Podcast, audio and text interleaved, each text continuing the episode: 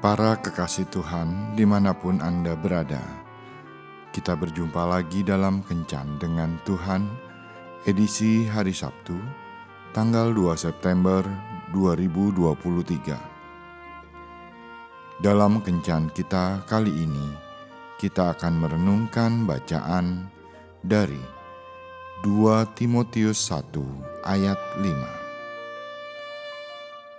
Sebab aku teringat akan imanmu yang tulus ikhlas, yaitu iman yang pertama-tama hidup di dalam nenekmu Lois dan di dalam ibumu Eunike, dan yang aku yakin hidup juga di dalam dirimu.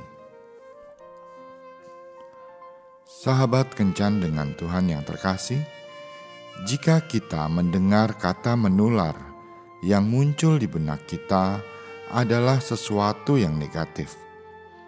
Mungkin itu virus, bakteri, atau jenis penyakit lainnya. Tetapi apabila kita telaah lebih dalam, yang dapat menular itu ternyata bukan hanya sakit penyakit atau sesuatu yang negatif, melainkan juga hal-hal yang positif.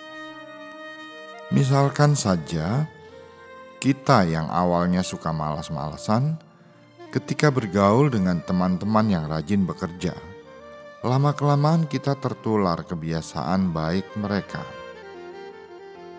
Timotius tidak serta-merta menjadi pribadi yang mencintai Tuhan dan bersemangat melayaninya. Awalnya ia tertular oleh iman ibunya, Eunike Lalu ibunya sendiri tertular iman sang nenek Louis. Faktanya iman saja belum cukup jika ternyata tanpa disertai perbuatan. Yakobus 2 ayat 26 Alasan inilah yang membuat Paulus belum merasa puas ketika mendapati sang anak rohaninya yaitu Timotius tertular hanya oleh iman dari ibu dan neneknya. Dalam suratnya yang kedua kepada Timotius, ia menuliskan, "Peganglah segala sesuatu yang telah engkau dengar daripadaku, sebagai contoh ajaran yang sehat, dan lakukanlah itu dalam iman dan kasih dalam Yesus Kristus." Melalui perkataannya, Paulus seolah hendak menulari kembali Timotius dengan apa yang ada pada dirinya. Roh yang menyala, semangat yang berkobar, tidak malu-malu dan tanpa rasa takut. Itulah yang ada dalam diri Paulus, yang ia harapkan juga ada di dalam diri Timotius.